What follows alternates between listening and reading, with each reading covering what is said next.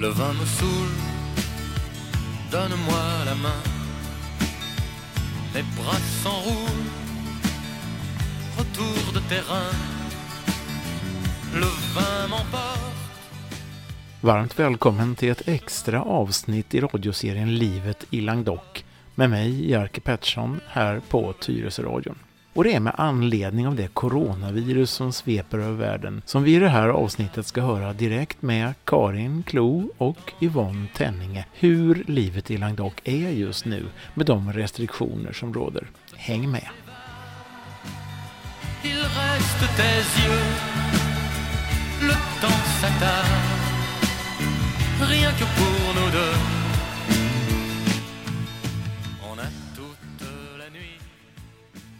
Det är måndag den 23 mars när det här programmet spelas in och vi ska börja i den sydfranska staden Béziers med köparmäklare Karin Klo på Hus i Languedoc som är med oss via Facebook Messenger Phone. Bonjour Karin! Bonjour! Ska vi börja med att positionera lite grann var Béziers ligger, för det kanske inte alla känner till. Ja, Béziers ligger en knapp timme söder om Montpellier, ganska nära Medelhavskusten. Och det är en medelstor stad kan man väl säga. Så det är ungefär 70 000 som bor här. Och jag bor själv mitt inne i Gamla stan i centrum där. Hur är då läget i en st- stad av den storleken eh, med tanke på coronan?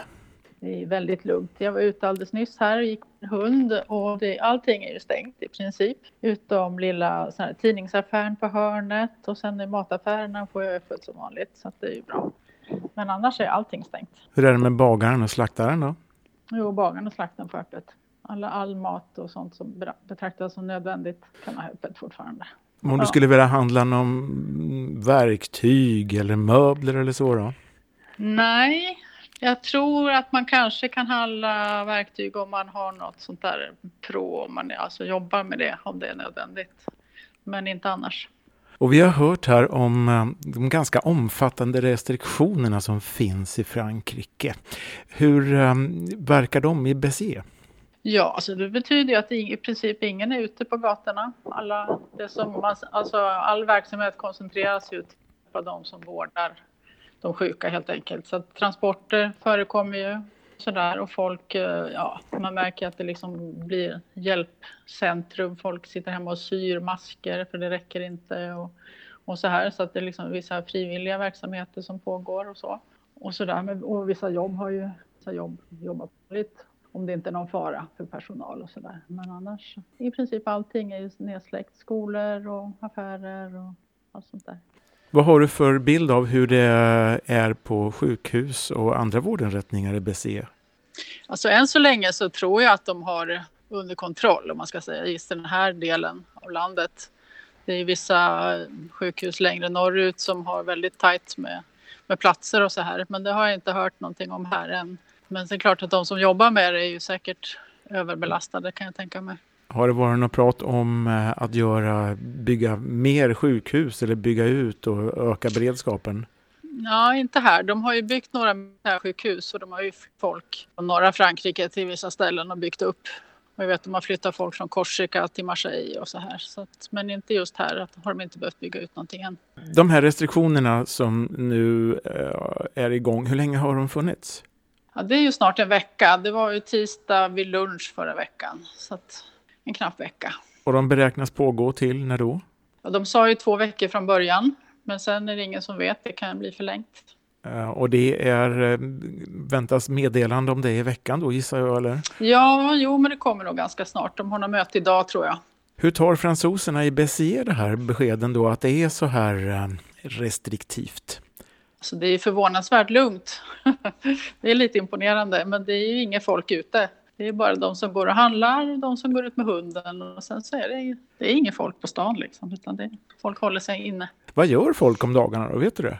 Ja, alltså de som har barn, de måste ju hjälpa dem med skolan och så här. Det har ju kommit upp massa olika stödprogram på tv som gör skolprogram och så här. Så att det, folk är ju inte lediga egentligen, utan eh, skolorna ska ju försöka pågå som vanligt och många måste ju jobba hemifrån också. De äldre, de är väl hemma. För de kanske de är ovant att inte få gå ut. Ja, man tänker ju då gärna i Frankrike att där är det barer, kaféer, man är ute, det är ett uteliv normalt sett. Ja, Så här år skulle man ju sitta på utekafé varje lunch annars. Så det är ju väldigt ovanligt. Det leder oss eh, osökt över på vädret. Hur är det just nu BC? Ja, just nu är det lite slöjigt sådär, inte helt klart, men det, det har ju varit mest fint väder. Ganska varmt. Våren har kommit. Ja, absolut. Förutom det här franska livet, eh, ja, livet i Languedoc som ju faktiskt den här programserien heter också, så har vi ju näringslivet. Ja, och hur är då det påverkat förutom det faktum att butikerna är stängda? Ja, det slår ju hårt mot alla småföretagare såklart, som kanske inte har så stora marginaler och även större företag. Man vet ju inte vad som kommer att hända efter det här. Nu är allting stängt och sen vet man inte vad som händer efteråt hur folk kommer att klara av det. Så det är såklart en osäkerhetsfaktor. Hur går snacket mellan människor nu då? Just med tanke på ekonomin? Ja, nej, men det är väl många som är oroade. Fast samtidigt, jag tycker att fokus här är inte så mycket på det, utan det är på sjukvården. Alla går in för att hjälpa de som jobbar med vården. Och sen får man ta det i ekonomin efteråt på något sätt. Det låter som att det finns en hög solidaritet alltså. Ja, det tycker jag absolut. Alltså de som har restauranger, de kör ut pizza till sjukhusen och de, alltså alla hjälper åt det de kan. Det är helt fantastiskt. Vad är förväntan tror du på nästa steg då?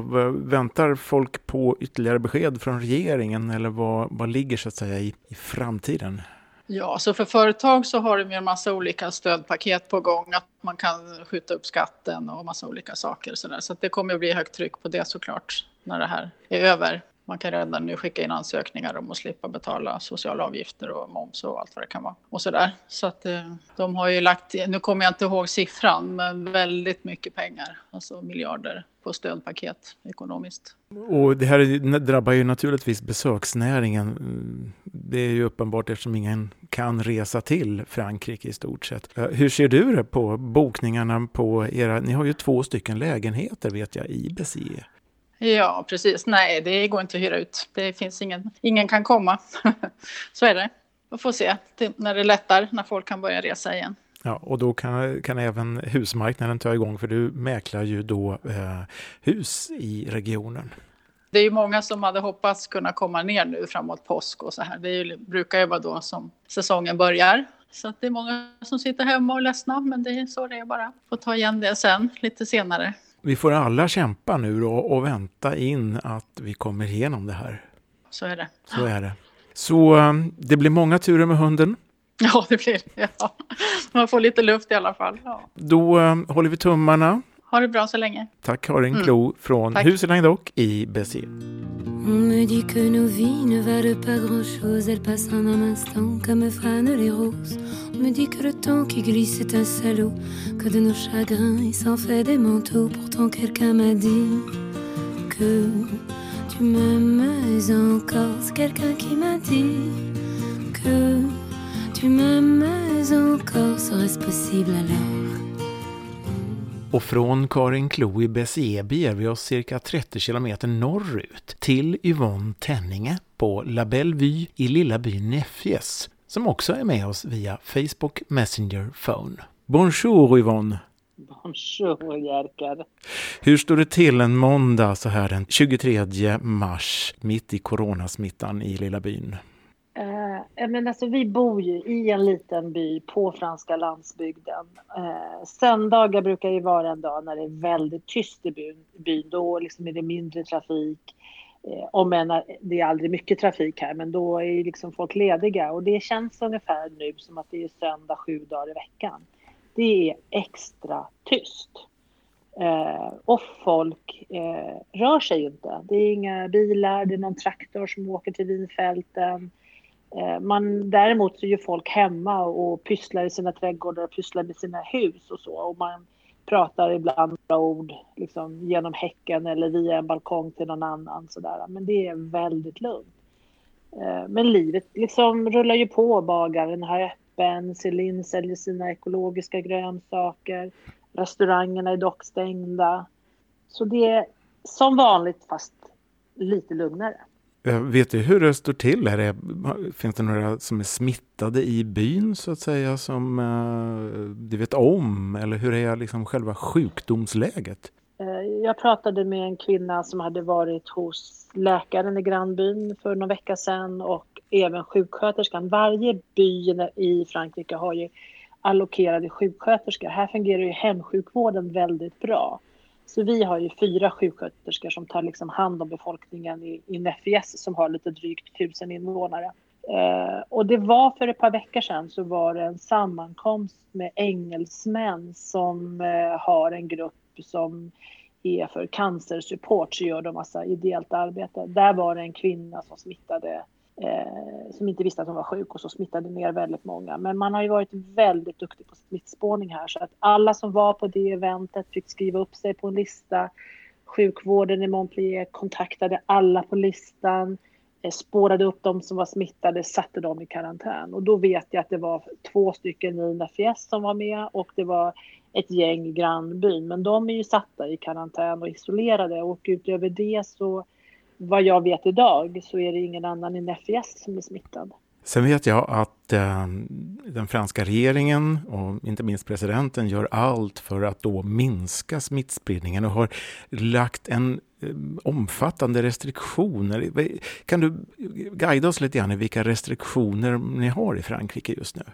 Så vi har ju ett generellt utegångsförbud eller karantän eh, sen vad är det, fem, sex dagar tillbaka. Och det ska gälla i första hand i 15 dagar. Men, och ryktet säger att det eventuellt blir förlängt. Och det innebär att vi får inte lämna våra hem förutom att åka och handla mat. Och då får vi åka en och en.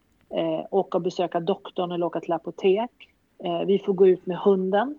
Eh, vi får göra mindre joggingturer på, alltså inte mer än någon kilometer runt huset. Får bara springa liksom varv efter varv.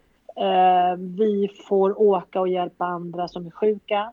Eh, och om man måste jobba så får man åka till jobbet. Men man måste ha ett intyg med sig. Så vi måste ha ett papper som vi printar ut. För varje gång vi lämnar huset så ska vi skriva i vårt namn, när vi är födda, vår adress och varför vi lämnar huset. Vem är det som kontrollerar de här papperna? Polisen kontrollerar dem. Vi har ju både gendarmeriet som är den statliga polisen och sen har vi det som heter Polis Municipal som är den kommunala polisen och eh, båda de organisationerna kontrollerar de här papperna. Har du blivit kontrollerad?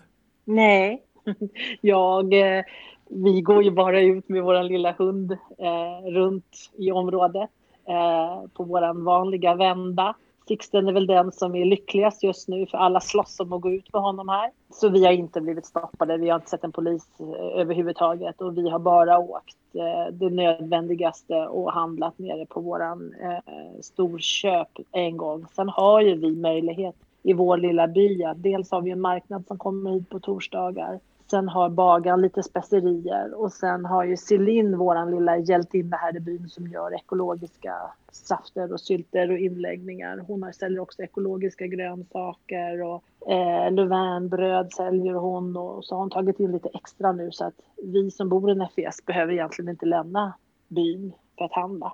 Det låter som att eh, livet i Languedoc eh, fortgår eh, är ganska behagligt ändå. Ja, det, det är det. Det, det är helt okej. Okay. Och vi, vi, ska inte klaga. Vi har ett stort hus, eh, vi har pool och trädgård och eh, vi bor på landet och vi har jätte, alltid jättemycket att göra. Vi eh, fortsätter ju och liksom förbättrar och renoverar och förädlar vårt hus och gör det liksom och har fullt upp om dagarna. Jag vet att det är värre för dem som sitter i lägenheter i Paris. Jag har en väninna som bor där och jag vet att det är jobbigt. Men ändå ska jag säga att det gör någonting med människan att eh, vara instängd på det här sättet och att veta att du inte får röra dig fritt. Det är trots allt en, en obehaglig känsla. Ja, jag tänker ju på hur eh, fransoserna och fransyskorna brukar protestera mot det mesta och reagera och inte låta sig ja, köras med. Hur tar man det här nu då när det kommer sådana omfattande restriktioner? Alltså, eh, jag har ju lyssnat ju både på vad som händer i Sverige och här nere. Och det är klart att om man lyssnar på Stefan Löfvens tal till nationen igår som var fem minuter och så jämför man det med Macrons första tal som var nästan 45 minuter. Eh, det är två helt olika approacher. Eh, säger myndigheterna i Sverige att nu gör vi så här, liksom, håll avstånd, gå inte ut så, poff så gör svenskarna det. Alltså vi är väldigt anpassningsbara, lydiga och väldigt förståndiga. Här nere är ju ändå liksom en revolutionssjäl så när Macron höll sitt första tal till nationen och sa att nu får ni inte liksom, nu måste ni hålla social distans och nu ska vi göra på det här sättet. Sen kom helgen och det var jättefint väder och vad gör folk i Paris då? Jo, alla gick i picknickar i parkerna. Sen tog det väl ett par dagar och sen kom Macron i rutan igen och, och då fick vi utegångsförbud. För det är ju det det här är. Och det är ju att vi har så hårda tag här och har stängt restauranger och, och skolor och så. Det är ju för att folk inte lyder. Alltså då, då tvingas man till att ta till liksom förbud. Innan vi fick det här så kallade eh, karantänläget i Frankrike, då hade ju inte vi i Frankrike fler smittade per miljon invånare än vad Sverige hade. Men man var tvungen att ta de här eh, ganska hårda åtgärderna för att få folk att liksom lyssna. Till, med hänsyn till de äldre och de riskgrupperna som finns framför allt. Märker du någon eh, skillnad då i attityden hos fransoserna och fransyskarna under tiden här som det här har, ja vad ska vi säga, ökat eller accelererat? Absolut. Vi har ju haft ett val mitt i det här eh, som jag har varit väldigt involverad i eftersom jag finns på en av de så kallade listorna till kommunalvalen här nere hos oss. Eh, och I Frankrike har vi ju val liksom två omgångar. Först har man ett val där man kan rösta på liksom alla de olika partierna eller de olika listorna. Så för kommunalval är ganska skilt åt hur det, hur det går till mot hur statliga val går till. Inte själva processen, men vem och vilka man röstar på. Så. Och första valomgången hade vi för en vecka sedan, lite drygt. Eh, och sen är det mening då att de två som det har gått bäst för veckan efter då så har man ett liksom kvalval på något sätt till det.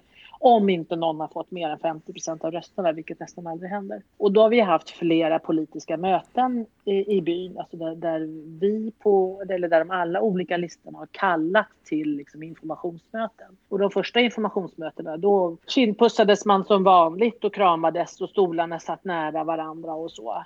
Uh, och sen sista mötet vi hade, då satte vi ut stolarna liksom med en och en halv meters lucka och de flesta hade slutat att kindpussas. Uh, och när sen valdagen kom, då var det ju väldigt liksom, reglerat om hur vi fick bete oss. Man skulle tvätta händerna innan man gick in, det var streck i, i, uh, i lokalen på vilka luckor man skulle hålla. Man hade tagit bort gardinerna för valbåsen så man skulle slippa ta i dem. Alla var tvungna att ha med sin egen penna när man skulle signera. Så det är klart att det har varit en process. Och idag tycker jag ändå, här nere hos oss, så har folk tagit till sig det här väldigt mycket. Jag vet att man i större städer har haft eh, lite svårare och att det har varit mycket böter som har... För lyder man inte nu de här eh, restriktionerna som vi har, har man inte med sig den här lappen nu, då är det 135 euro i böter. Eh, och jag vet att, det, att man har bötfällt folk i städer och jag vet också att lite större städer har också tagit till ett utegångsförbud totalt på kvällar mellan klockan 10 på kvällen och, och ungefär 5 på morgonen. När vi ändå är inne här på kommunalvalen som ju första omgången var ju då söndagen den 15 mars om jag minns rätt så var det väl så att de som inte får full majoritet får gå till en andra omgång då. Så hur gick det i Näfjes? Först kan man ju säga att valet var väldigt påverkat av coronasmittan. Att det var ett väldigt lågt deltagande, eh, vilket gör att man har skjutit den andra omgången framför sig. Eh, med, därför att det är som det är. Dels för att, för att liksom det är inte att skydda demokratin, att alla verkligen ska kunna gå och rösta, men också att, att skydda oss från coronasmittan. Om man är en by mer än 800 invånare då är det inte längre personval utan då är det en lista som man ska formulera. Storleken på den så kallade listan är beroende på hur stor byn är. Så vi som är nästan 1100 invånare, vi har 15 platser på en lista. Eh, och det kan vara hur många olika listor som helst. Och vi har tre listor i våra by. Och varannan person på listan ska vara kvinna och varannan person på listan ska vara man. Eh, och då var det sittande borgmästargänget, fast han som är borgmästare är inte med för han har suttit i tre omgångar, det vill säga 18 år så han slutar. Men det är hans andra kvinna då som är överst på listan. Och sen var det vår lista och sen var det en till lista.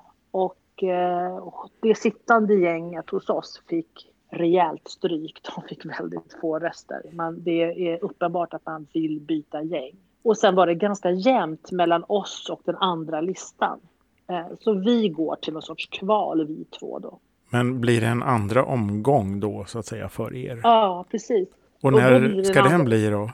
Alltså ryktet säger att det blir i början på juni eh, och den 12 juni, det vet vi inte än. Men det är vad jag har hört där, icke-officiellt har jag hört det datumet. Och då gör man så att första valet, eh, då röstar man på den man vill ska sitta. Andra omgången, då kan man också rösta mot någon. Det vill säga, man kan rösta på oss fast man inte röstar på oss i första valet. Men man röstar på oss för man vill absolut inte att den andra listan ska vinna. Jag förstår, och det är samma idé som det är i presidentvalet egentligen. Precis samma idé. Det är bara det att i de här lokala byarna som vi, där är ju inte vi knutna till något parti, utan där är det liksom en grupp människor som samlas kring liksom olika idéer du vet, en by på 1100 invånare med folk som har vuxit upp här i generationer. Då är det ju också så här att nej hörru du, jag röstar inte på dig för du snodde min flickvän när vi gick i sexan. Det finns ju också en historia med som man måste ta med såklart i det här. Långsiktighet kan vi kalla det va? Ja, eller långsiktighet kanske. I Sverige finns det en diskussion om hur stor verkan är, eller inverkan är på ekonomin i landet och det blir en debatt om vad som är värst. Är det viruset eller är det ekonomin som faller? Eh, hur ser den debatten ut i Frankrike? Man är ju lika oroad här.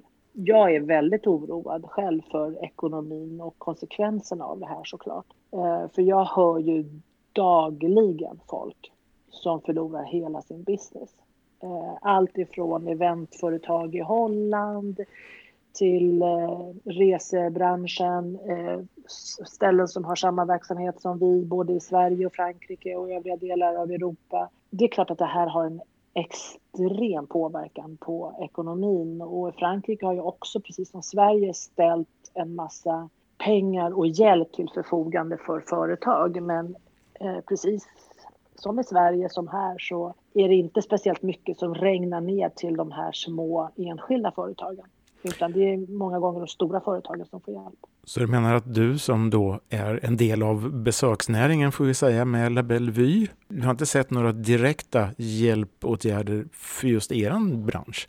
Alltså vi kan få skjuta sätta skatten framför oss. Men om man inte har några intäkter då har man ju heller ingen skatt att betala. Mm. Eh, och vi kan få tillfälliga lån på eh, 15, motsvarande 15 000 kronor ungefär. Men det är ju för första inga, inga större summor. Men det är ju fortfarande egentligen ingen hjälp utan det är ju bara att skjuta ett skuldberg framför sig. Det är än så länge inga pengar som har kommit som är liksom stöd till små enskilda företagare än. Och det vet jag att det är finns det väldigt mycket kritik mot här nere i Frankrike. Om vi tittar framåt härnäst, eh, har presidenten aviserat något nytt eh, tal eller har vi någon annan sån där punkt framöver i veckan som vi kan förhålla oss till? Nej, inte den här veckan. Det kommer väl att komma när det närmar sig den här 15 dagars slutet. Det är klart att vi är i en situation som är, det är som en mardröm på många sätt jag ska bli farmor och ska få en liten bebis i Sverige som jag inte får hälsa på. Eh, man är orolig för att få en bebis född i de här virustiderna också såklart. Det är klart att det här drabbar oss på väldigt många olika sätt. Men man ska också komma ihåg att allt har en början och allt har ett slut. Det här kommer också gå över. Det här kommer också få ett slut. Så det är klart att även om det är oroligt och trassligt nu så ser jag ju fram emot sommaren och att det här, det här kommer att få ett slut. Det ser vi alla fram emot att sommaren kommer med värmen och viruset lägger sig ner. Och tills dess så vet vi i alla fall att solen skiner i Languedoc och eh, det är ganska bra att vara hund i Languedoc nu alltså. Han är ju jättelycklig. Han får ju tre jättelånga promenader om dagen av oss. Och det är flera grannar som har liksom knackat på dörren här och frågat om de får ta utsikterna på promenad. På honom går det ingen nöd kan jag säga. Tusen tack Yvonne Tenninge direkt från La Belle Vie i lilla byn Nefjes i Frankrike. Tack. Ja, restriktionerna är alltså omfattande och ändå verkar Frankrike ta dessa inskränkningar med viss ro. Det här programmet spelades in den 23 mars och händelseförloppet och utvecklingen runt coronaviruset är snabbt, så när du lyssnar till programmet kan mycket ha hunnit hända. Det här var ett coronaspecial i radioserien Livet i Languedoc på Tyresöradion. Jag heter Jerker Pettersson och säger på återhörande.